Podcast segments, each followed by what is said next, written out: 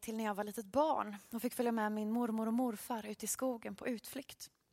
Min morfar hade ett alldeles särskilt intresse för de allra minsta varelserna i Guds skapelse.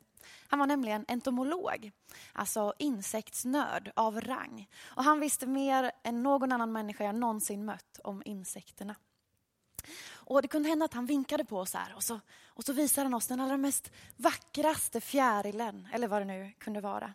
Och så sa han namnet både på latin och på svenska, för morfar kunde alltid båda. Och min morfars kunskap och intresse och fascination inför de här småkrypen växte en fascination även hos mig. För har ni tänkt på hur häftig världen är? Alltså förstå att Gud kan ha skapat en sån här komplex och vacker skapelse. Tänk bara, det finns typ 150 000 olika fjärilsarter. Hur häftigt är inte det? Hur kreativ måste inte Gud vara som kom på allt det? Det tycker jag är mäktigt. Och precis som en konstnär sätter sin prägel på en tavla så tänker jag att vi kan läsa om Gud i Bibeln. Vi kan lära oss om Gud i Bibeln. Men vi kan också lära oss om Gud. Vi kan liksom se Guds fingeravtryck i allt det vackra som Gud har skapat. Och när vi bläddrar genom Bibeln så återkommer det här gång på gång också. Att skapelsen vittnar om Gud och eh, vittnar om Guds kärlek och omsorg om sin skapelse. Det är som en sån grundläggande förutsättning, en röd eller en grön tråd liksom, genom hela Bibeln. Det är superspännande. Jag läser en kurs den här terminen som handlar just om detta, om liksom teologin kring det hela. Och ett tag tänkte jag att jag, alltså, jag läste mycket spännande så jag kanske ska strunta i predikan. Jag bara läser massa bibelord istället. För det finns så mycket spännande att läsa.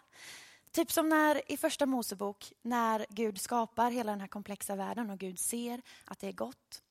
Eller som när Jesus i Lukas 4 säger att han kommer för att predika ett nådens år från Herren. Vad innebär det liksom? Eller som berättelsen om Noa, som ni säkert alla har hört. Bibelns kanske mest kända miljökatastrof. Vilka är det som Gud sluter ett förbund med där? Om ni inte har läst det där hemma så gör det. Första Mosebok kapitel 9. För det var ett sånt där ögonblick som jag bara, va? Jag har levt i kyrkan hela mitt liv. Och aldrig har jag hört att det här förbundet handlar om alla levande varelser av alla slag på hela jorden, står det. Det är superspännande. Eh, vi hinner inte gå in på alla de här bibeltexterna idag, eh, men läs gärna där hemma om du är nyfiken. Jag vill ta med er till ett bibelord som vi redan har läst här för några veckor sedan. Men det sätter sitt allt i perspektiv på något sätt. Jag vill ta det igen. Det är från Kolosserbrevet 1, vers 15-20. Där står det så här. Han är den osynlige Gudens avbild, den förstfödde i hela skapelsen. Ty i honom skapades allt i himmelen och på jorden, synligt och osynligt, troner och herravälden, härskare och makter. Allt är skapat genom honom och till honom. Han finns för allting och allting hålls samman i honom och han är huvudet för kroppen, för kyrkan. Han som är begynnelsen, förstfödd från de döda, till att överallt vara den främste. Ty Gud beslöt att låta all fullhet bo i honom och att genom hans blod på korset stifta fred och försona allt med sig genom honom och till honom. Allt på jorden och allt i himmelen. Guds omsorg sträcker sig verkligen inte bara till hela mänskligheten utan också till hela skapelsen. Ett annat sånt bibelord har vi i Markus 16 det är precis efter att den uppståndne Jesus har mött kvinnorna och de andra. Och I versen efter, vi slutade med på påskdagen, precis i versen efter där, så står det, säger Jesus så här. Han sa till dem, gå ut överallt i världen och förkunna evangeliet för hela skapelsen. Hela skapelsen. Och läser vi hela kapitlet så ser vi att det är inga tomma ord Jesus syftar på här utan det är också handlingar. Våra liv. Vi får liksom leva evangelium. Vi får vara Jesus lika. Mm. Och det finns många spännande bibelställen att fundera vidare på här. Och ju mer jag lär mig om Bibeln, ju mer jag lär mig om Gud och Guds oerhörda kärlek, desto mer går det upp för mig hur förkrossad Gud måste vara just nu. Det är så att jag på riktigt har fallit i gråt flera gånger de senaste veckorna. För tänk dig själv, om Gud älskar världen, lägger ner så mycket omsorg i världen varje dag och har skapat den med en sån liksom precision och sån kärlek. Tror ni inte då att Guds hjärta krossas när vi sakta men säkert krossar jorden? Så har jag upplevt det i alla fall. Att Gud sörjer över alla arter som dör just nu. Över alla människor som behöver fly från sina hem för att havsnivåerna stiger och öknarna brer ut sig. Och jag tänker på bibelordet vi fick höra Elsa läsa tidigare. Om vi ska älska Gud och älska vår nästa. Borde inte de här insikterna få konsekvenser för vårt lärjungaskap då? Hänger ni med? När vi ser på Guds hjärta är det som att bitarna faller på plats. För om vi älskar Gud, om vi älskar vår nästa, då kan vi inte strunta i det här.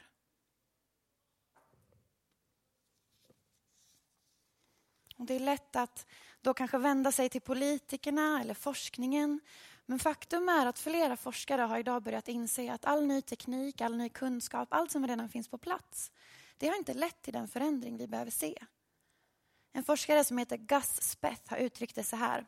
Ni får se det på skärmen, men jag översätter till svenska. Jag brukade tänka att de största miljöproblemen var förluster av biologisk mångfald, ekosystemens kollaps och klimatförändringarna. Jag trodde att med 30 år av god vetenskap kunde vi adressera de problemen. Men jag hade fel. De största miljöproblemen är själviskhet, girighet och likgiltighet. Och för att hantera dem behöver vi en andlig och kulturell förändring. Och vi forskare vet inte hur den gör det. Hörde ni? De största miljöproblemen är själviskhet, girighet och likgiltighet. Och vi behöver en andlig och kulturell förändring. Det är vad det handlar om. Och det är precis vad Bibeln talar om. Det är precis vad Jesus ger ett helt annat alternativ till. Istället för det här ekorrhjulet av mer status, mer pengar, mer, mer, mer. Så ger Jesus ett annat liv att leva. Som får präglas av tacksamhet, av generositet, omtänksamhet. Eller som andens frukter.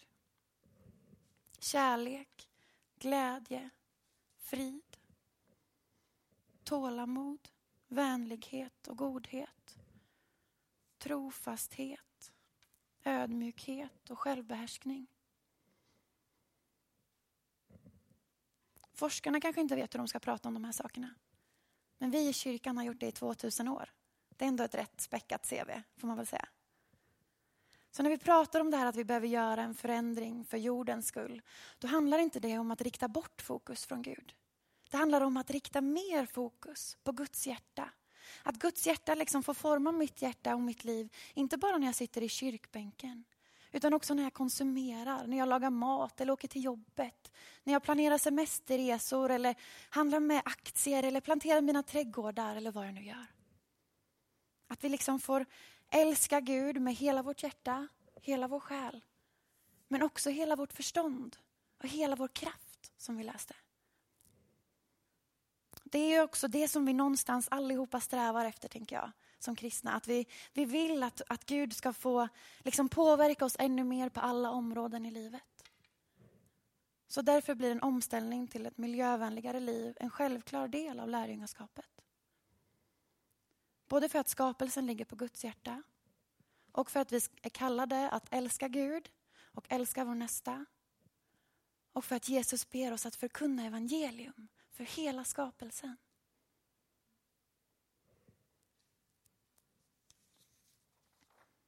Men så kanske ni slår på nyheterna ikväll och så kommer alla oroväckande inslag vällande över er och ni känner att äh, vad ska jag göra av det här nu då? Och det finns säkert tusen olika knep om hur vi förhåller oss till den här oron och eh, ja, men uppgivenheten. Men mitt bästa vaccin mot det är förundran, handlingskraft och bön. Och tillsammans ger de mig hopp. Om vi börjar med förundran över att Guds skapelse är så fantastiskt skapad och att Gud älskar den så. Tänk bara nu när vi går ut i skogarna och ser hur liksom marken väcks till liv igen. Där det för några veckor sedan så kunde se helt dött och hopplöst ut, så spirar nu vitsipporna. Det är fantastiskt. Eller som att ett sånt här litet ekollon kan bli en sån där stor planta.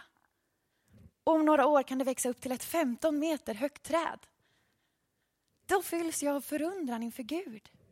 Och det kan, det kan låta fånigt, men jag vill ta er tillbaka till det här morfars fascination inför Guds varelsen, liksom den här minsta skapelsen. Så jag tror ändå att det ligger en nyckel gömd här. Att det får börja med våra hjärtan.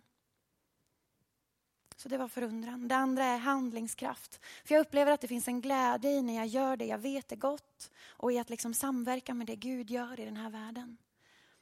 När jag liksom förkunnar evangelium för hela skapelsen med det jag gör då får jag omvandla de här tomma orden till handling och liv och jag får praktisera hoppet.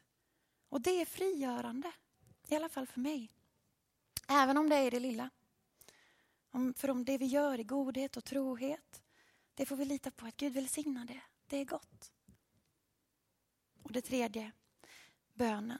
För det som är bortom min kontroll, det får jag be. För det som är världen, makthavare, oljebolag och flygbolag, allt det där som jag kanske inte har så mycket makt över. Då får jag be att Gud formar deras hjärtan. Och när jag inte pallar eller bryr mig mer, då får jag be att Gud öppnar mina ögon, att Gud formar mitt hjärta. Så att jag på nytt liksom känner Guds kärlek för sin skapelse. Och tillsammans förundran, handlingskraft och bön, tillsammans ger det mig hopp. För jag vet att förändringen är redan här. Omställningen till ett hållbart samhälle pågår redan nu. I denna stund så görs kloka val för en hållbar framtid. Det är som miljoner små myror som går åt samma håll. Liksom. Och det ger mig hopp. Vad ger dig hopp? Vad sätter det här igång för tankar hos dig? Prata gärna med det med dina vänner eller din familj i veckan som kommer. Ta det med Gud, fundera över det här. Om det sätter igång något hos dig.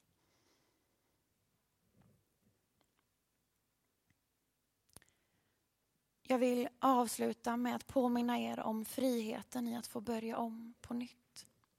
För vi tror på nåden, vi tror på möjligheten till förlåtelse och försoning. Och Det gör att vi behöver inte bortförklara skulden, utan vi kan kännas vid den och i kraft av förlåtelsen ta itu med dess konsekvenser. Och pröva att ta nya steg. Liksom. För vi lever i Kristus hoppet, i en tro på en Gud som aldrig har övergett sin skapelse, aldrig någonsin. Som genom Jesus blir ett med sin skapelse och på korset räddar hela sin skapelse.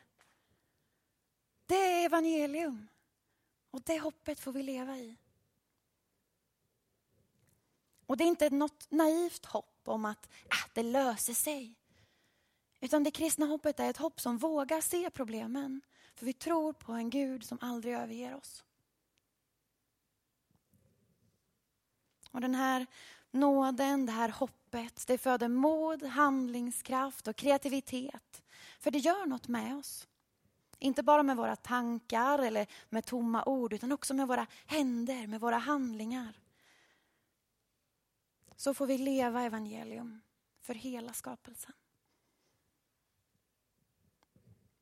Låt oss be tillsammans. Tack Gud. Tack för att du älskar din skapelse. Hjälp oss nu att älska den så som du gör. Hjälp oss att se med förundran och fascination på allt det vackra du skapar. Men också förfäran över vad vi gör just nu. Hjälp oss Gud att orka bry oss och se hur du bryr dig. Ge oss mod och handlingskraft Gud. Amen.